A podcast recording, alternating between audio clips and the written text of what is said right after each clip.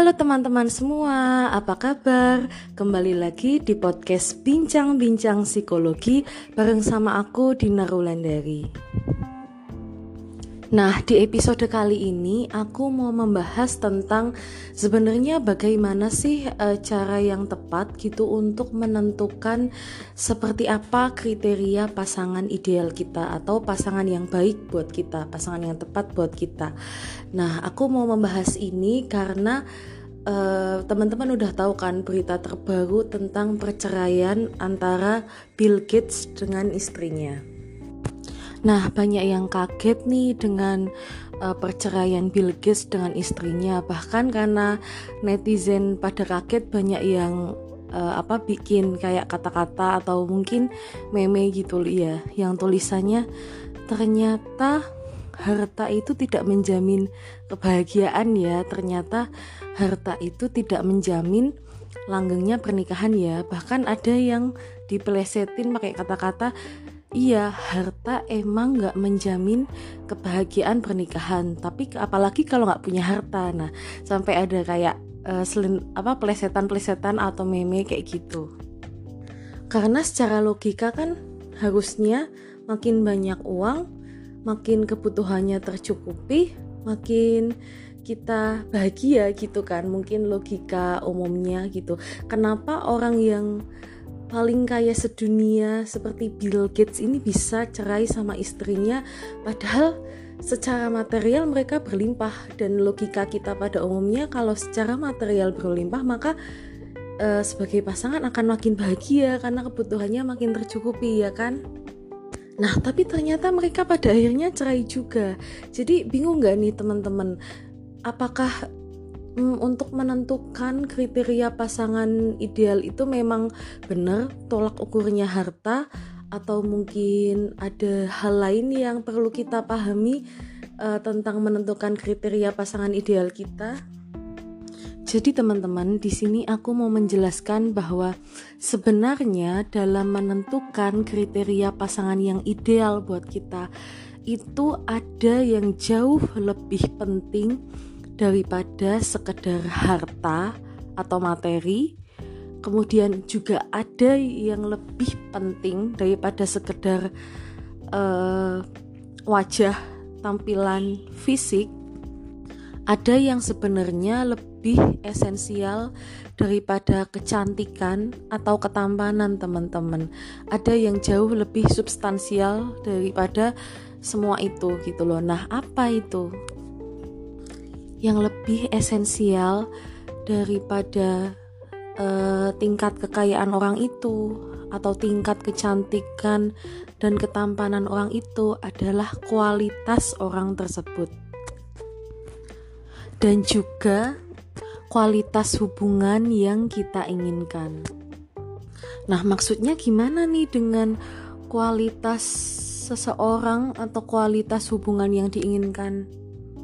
Teman-teman pernah nggak sih nanya ke diri sendiri dalam suatu hubungan kalau kalian menjalin hubungan sama seseorang apa sih yang bikin teman-teman suka sama orang itu? Yang pertama itu pertanyaannya dan yang kedua eh, gimana sih perlakuan dia ke teman-teman yang kalian suka yang membuat kalian itu merasa benar-benar dicintai? apa yang bikin teman-teman itu beneran nyaman dan bahagia dalam suatu hubungan. Sebenarnya hubungan seperti apa sih yang teman-teman inginkan? Karena teman-teman sebenarnya kualitas dari orang tersebut atau kualitas dalam satu hubungan, nuansa yang kalian inginkan dalam satu hubungan itu jauh lebih penting daripada yang aku sebutkan di awal tadi. Misal aku kasih satu contoh Contohnya dalam hubungan persahabatan ya teman-teman. Kalian lebih milih mana nih? Temenan sama geng yang kaya raya, yang keren, yang populer di sekolah. Tapi kalau kalian ngobrol sama mereka itu kerasa nggak nyambung, terus juga mungkin di satu titik ada beberapa hal yang membuat kalian merasa nggak dihargai sama mereka kayak gitu. Ya emang sih ketika temenan sama geng yang kaya dan populer ini kalian juga jadi ikut populer juga di sekolah terus juga kadang juga ditraktir sama mereka. Ya tapi tiap ngobrol itu sering gak nyambung kalian sering ngerasa nggak didengerin curhatnya pilih mana uh, hubungan persahabatan yang kayak gitu sama yang hubungan persahabatan yang pilihan kedua yaitu yang sama temen yang biasa-biasa aja uh, geng yang uh, tidak populer di sekolah tidak dipandang keren di sekolah. Tetapi ketika teman-teman itu ngumpul sama mereka obrolannya asik obrolannya nyambung teman-teman ngerasa dihargain. Terus juga teman-teman bisa jadi diri sendiri di sana gitu. Nggak dituntut nggak dituntut harus jadi A harus jadi B gitu. Teman-teman juga merasa dihargain dan didengarkan di geng tersebut. Ya meski memang ketika temenan sama geng ini teman-teman jadi nggak sepopuler ketika temenan sama geng yang pertama. Tapi seenggaknya bisa bayangin nggak kalau teman-teman tuh bahagia loh temenan sama mereka yang ada di geng kedua ini? Nah sebenarnya hubungan percintaan, hubungan pacaran atau hubungan pasangan suami istri itu konsepnya juga sama loh kayak kita itu milih temen, milih sahabat. Karena apa? Ya sebenarnya pasangan kita itu best friendnya kita, teman-teman, best friend. Uh, teman-teman kalau misalnya jalan-jalan ke mall, jalan-jalan ke mana pun yang teman-teman ajak siapa? Pasti teman yang paling deket kan, yang paling kalian nyaman, yang bikin kalian happy hampir nggak mungkin dong kalau kalian tuh mau jalan-jalan berdua sama sahabat yang sama dia aja rasanya kalau ngobrol nggak nyambung loh gitu. Sama dia aja rasanya kalau jalan-jalan nggak fun ngerasa kikuk rasa canggung gitu. Apalagi teman-teman milih pasangan yang nantinya kalau kalian udah nikah itu bakal tinggal serumah bakal lihat dia 24 jam dan 7 hari apalagi kalau lagi pandemi ya kan? Bakal besarin anak bareng bakal sampai tua nanti sampai jadi kakek nenek. Gimana? Gimana bisa kalian memilih seorang pasangan yang di mana kalian aja merasa tidak nyaman, tidak bahagia, tidak terkoneksi dengan utuh, tidak bisa jadi diri sendiri di dalam hubungan itu. Karena teman-teman dalam satu hubungan itu isinya tuh ngobrol-ngobrol dan ngobrol. Sampai kalian tua nanti jadi kakek nenek nanti. Isinya apa? Ngobrol kan? Uh, iya sih dalam pasangan suami istri uh, nggak bisa dipungkiri tampilan fisik itu sangat penting untuk uh, apa untuk menimbulkan gairah ketika suami istri melakukan hubungan seks itu sangat penting untuk meningkatkan gairah. Memang sebenarnya nggak bisa dipungkiri teman-teman bahwa kekayaan, kecantikan itu adalah hal penting kita sebagai manusia.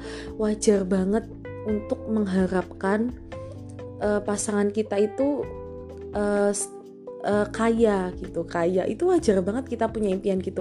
Kaya cantik ganteng populer itu wajar banget. Tapi ku bilang kayak contoh tadi bahwa ketika kita hanya mengejar itu gitu kita hanya mematok pokoknya udahlah aku pengen punya pasangan yang dia itu penghasilannya minimal 10 juta terus juga dia ganteng ganteng banget gitu. Eh tapi ternyata setelah ketemu ternyata nggak cocok nggak sevibrasi nggak nyambung. Makanya banyak yang uh, sering bilang gitu kan aku tuh udah netapin kriteria idealnya aku tapi kenapa setelah ketemu sama kriteria idealnya aku aku tetap ngerasa nggak happy aku tetap ngerasa kayak nggak dicintain gitu aku tetap ngerasa kayaknya nggak deh nggak cocok deh Nah, terus gimana nih cara kita menentukan kriteria pasangan ideal kita? Nah, balik lagi sebenarnya ke refleksi di awal. Teman-teman itu sebenarnya pengen diperlakukan kayak apa sih sama seorang pasangan gitu. Misal teman-teman itu ya e, ngerasa dicintain, ketika pasangan teman-teman itu mau kerja keras buat menuhin kebutuhan teman-teman. Oke deh, untuk saat ini mungkin belum kaya kaya banget, belum kaya raya. Tapi tiap hari teman-teman bisa lihat dia bahwa dia punya semangat itu gitu loh. Dia punya semangat untuk kerja, dia punya semangat untuk uh, memenuhi kebutuhan teman-teman. Nah, berarti itu yang ku maksud teman-teman bahwa yang ku maksud kualitas itu adalah seperti itu. Pekerja keras. Dia mau bekerja keras untuk membahagiakan dan memenuhi kebutuhan teman-teman. Jadi bukan sekedar kayanya aja teman-teman yang perlu kita lihat, tapi gimana kualitas di diri dia yang mau berjuang gitu loh jadi sampai suatu saat nanti pun kalau misalnya dia ada di titik terendah, dia di fase terendah, dia tetap mau berjuang gitu karena kualitas itu ada di diri dia gitu. Beda kalau misalnya orang kaya raya, tapi mungkin itu bukan hasil kekayaan dia dari orang tuanya dan dia bukan tipe yang pekerja keras, mungkin suatu hari kalau dihadapkan pada konflik yang bikin usahanya lagi turun, ketika ada di titik drop mungkin dia nggak ngerti cara menanggulangi itu atau mungkin eh, nggak uh, punya semangat dan daya juang seperti yang seharusnya teman-teman inginkan gitu loh. Jadi sebenarnya intinya ke kecocokan itu yang paling utama kalian tuh ngob ngobrolnya nyambung nggak sama dia? Kalian itu ngerasa sefrekuensi nggak sih sama dia? Merasa selevel nggak sama dia? Aku punya satu contoh kasus tentang seorang ibu-ibu yang pernah cerita ke aku. Dia udah nikah belasan tahun sama suaminya. Dari dulu si ibu ini udah pengen banget cerai sama suaminya gitu tapi uh, beliau tetap bertahan demi anak dan orang tua. Sebenarnya masalahnya itu karena suaminya itu dingin ke dia. Memang dinginnya nggak hanya ke istrinya, tapi memang watak si suaminya itu memang bukan tipe orang yang penyayang, yang hangat, tapi ya yang dingin gitu, cowok yang dingin gitu. Dan si ibu dan si bapak ini, si suaminya ini sebenarnya mereka sama-sama kaya gitu. Si ibu ini kuliah juga cantik uh, suaminya juga suaminya juga ganteng gitu kan. Dan bener-bener kalau dari luar itu kelihatan kayak keluarga yang harmonis gitu. Tapi sebenarnya di dalamnya si ibu ini merasa nggak happy gitu. Dan beliau bilang gitu kalau uh, aku tuh baru sadar deh kalau um, apa ternyata dalam pernikahan itu kekayaan, terus juga ketampanan, apa pun yang kelihatan di mata orang itu keren, populer, itu nggak menjamin kebahagiaan satu hubungan. Yang paling penting itu kamu itu pengen diperlakukan seperti apa dalam hubungan itu sama pasangan. Nah, pesan dari si ibu itu waktu cerita yang aku inget sampai sekarang gitu dan aku juga udah mengalaminya sendiri karena kan aku juga pernah beberapa kali pacaran sebelumnya dan aku pun mengakui gitu kalau ternyata yang paling penting itu adalah pasangan yang bisa sevisi, semisi sama kita dan sefrekuensi, sevibrasi sama kita.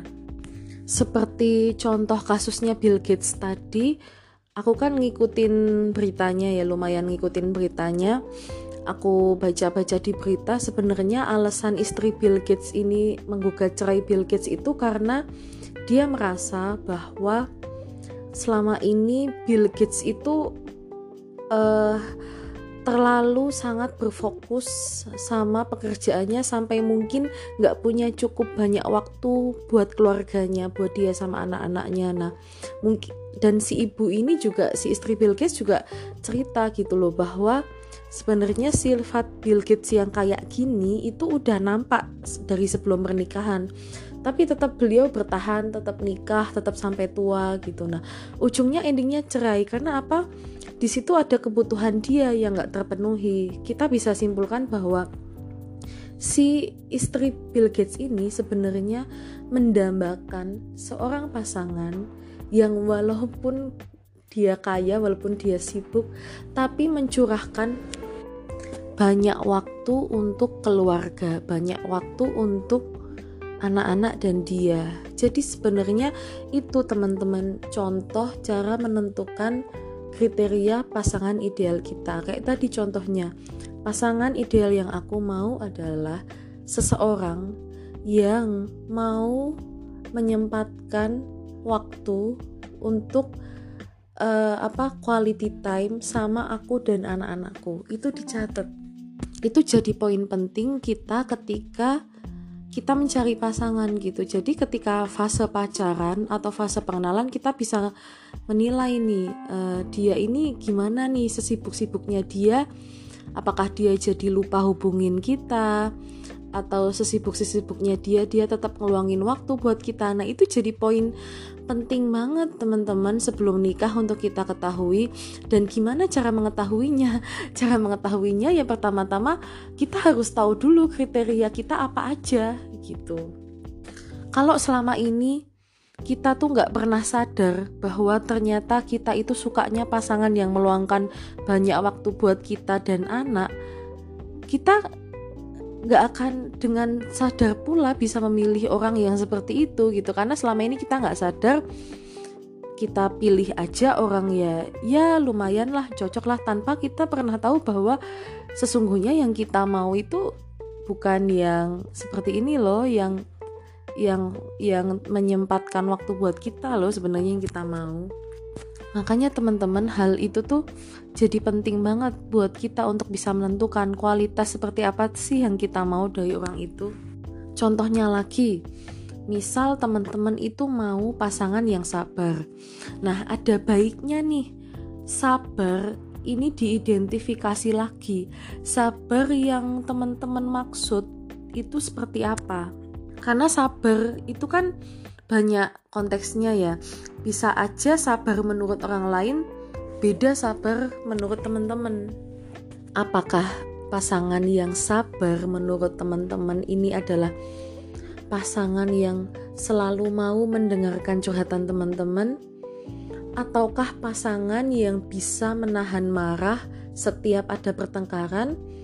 Atau pasangan yang sabar mau nganterin teman-teman ke mana-mana meski harus nungguin teman-teman lama. Nah, itu kan definisi sabar bagi setiap orang itu bisa berbeda-beda. Makanya, ketika kita menentukan kriteria ideal pasangan kita gitu, ketika kita menuliskan satu sifat atau karakter misal kayak sabar tadi dikasih rinciannya gitu loh dikasih penjelasannya gitu aku mau pasangan yang sabar yaitu ketika dia marah, dia bisa menahan diri, dia nggak marah-marah, atau ketika dia nganter jemput aku, dia nggak ngeluh, dia bisa nungguin aku karena aktivitasku padat dan lama.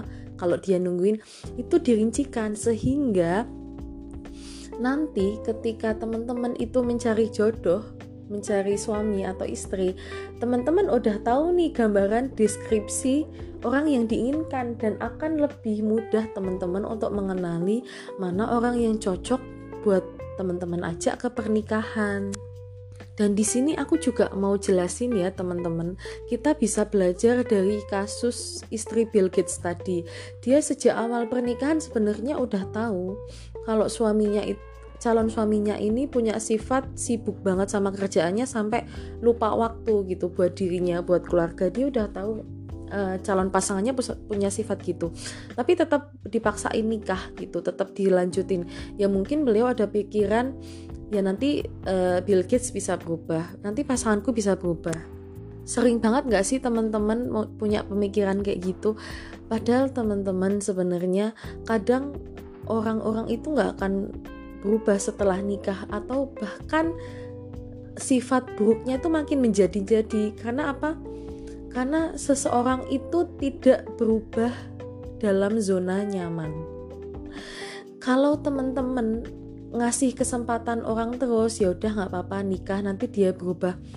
Dia itu akan merasakan ditoleransi gitu. Dia akan merasakan dia akan mikir buat apa aku berubah? Istriku aja udah menerima aku. Dia mau nikah sama aku dengan sifatku yang gini. Kenapa aku harus capek-capek berubah jadi teman-teman daripada teman-teman capek nunggu orang berubah daripada teman-teman juga capek ngerubah orang kenapa nggak dari awal sebelum nikah teman-teman cari aja orang yang memang sesuai sama yang teman-teman inginkan apalagi ditambah kalau teman-teman udah tahu nih deskripsi hubungan dan pasangan seperti apa yang kalian inginkan. Nah, tambah mudah lagi untuk teman-teman ngenalin mana yang teman-teman pilih dan teman-teman nggak harus capek-capek loh berusaha untuk ubah dia. Selain itu, identifikasi juga ya tadi hubungan seperti apa yang diinginkan. Misal, dalam satu hubungan teman-teman itu pengen antar pasangan saling terbuka satu sama lain. Nah, teman-teman pengennya terbuka seperti apa nih apakah teman-teman tuh pengen kalau pacaran itu tukeran password password Instagram password sosmed nah makanya kan nanti ketika teman-teman itu bisa mengenali hal-hal kayak gini yang teman-teman inginkan itu tuh bisa meminimalisir konflik. Karena sebenarnya konflik-konflik dalam berpasangan itu nggak harus konflik besar teman-teman. Nggak harus konflik perselingkuhan KDRT tapi sesimpel kayak kita tuh pengennya tukeran password Instagram tapi pacar kita tuh bener-bener nggak -bener pengen nggak mau. Ogah itu tuh bisa jadi ganjel bisa jadi ribut teman-teman. Makanya penting banget untuk untuk mengidentifikasi itu semua. Kualitas hubungan apa yang seperti apa yang dimau sama kualitas dari orang tersebut. Nah setelah teman-teman menjabarkan tadi itu ada baiknya Eh, hal-hal uh, itu dikategorikan. Dikategorikan jadi uh, tiga tiga kelompok yaitu lampu hijau, lampu kuning, lampu merah. Maksudnya gimana tuh? Uh, lampu merah itu hal-hal yang tidak bisa kalian toleransi dalam hubungan. Kan gini ya teman-teman, kalau kita udah menentukan satu kriteria pasangan ideal, kan hampir kayaknya uh, kemungkinan kita nemu orang yang 100% tepat seperti deskripsi kriteria pasangan ideal kita itu kan kecil ya. Mungkin nggak ada yang benar-benar 100% bisa persis sama yang kita inginkan. Nah kita harus tahu dulu nih mana hal-hal dari list kriteria pasangan ideal kita itu yang bisa kita toleransi. Tidak ada di, ini ini penting sih buat aku. Tapi sebenarnya kalau ini nggak ada di pasanganku aku masih nggak apa-apa gitu. Aku masih kayak nggak yang uh, gimana gimana gitu. Misal kita tuh pengen punya pasangan yang pintar main alat musik tapi ya ketika dapat pasangan dan dia itu memenuhi banyak kriteriaku yang lain cuma dia itu nggak pintar main alat musik ya nggak apa-apa gitu. Nah, golongkan dari list kriteria tadi ke dalam kelompok yang eh, mana yang bisa teman-teman toleransi itu nggak apa-apa nggak ada sama yang mana yang harus ada gitu atau mana yang teman-teman mau eh, apa mau memberikan kesempatan untuk dia untuk mencapai hal itu. Misal gini, kalau contohnya yang tadi yang kategori lampu lampu apa lampu merah itu ya misalnya teman-teman itu nggak bisa menoleransi kalau pasangan kalian nggak mau tukeran password sosmed sama kalian. Nah itu ditulis di lampu merah gitu. Karena ketika pasangan kalian itu nggak mau tukeran password sosmed sama kalian kalian tuh merasa kayak nggak diper percaya kenapa aku nggak boleh tahu password sosmednya gitu? Atau teman-teman merasa kayak kok nggak ada transparasi? gitu. Kalau itu hal-hal nilai-nilai yang penting banget buat teman-teman dan teman-teman tuh bisa kayak marah banget gitu kesel banget kalau pasangan itu nggak ngelakuin itu dan itu berdampak gede buat teman-teman. Masukin itu ke kategori lampu merah.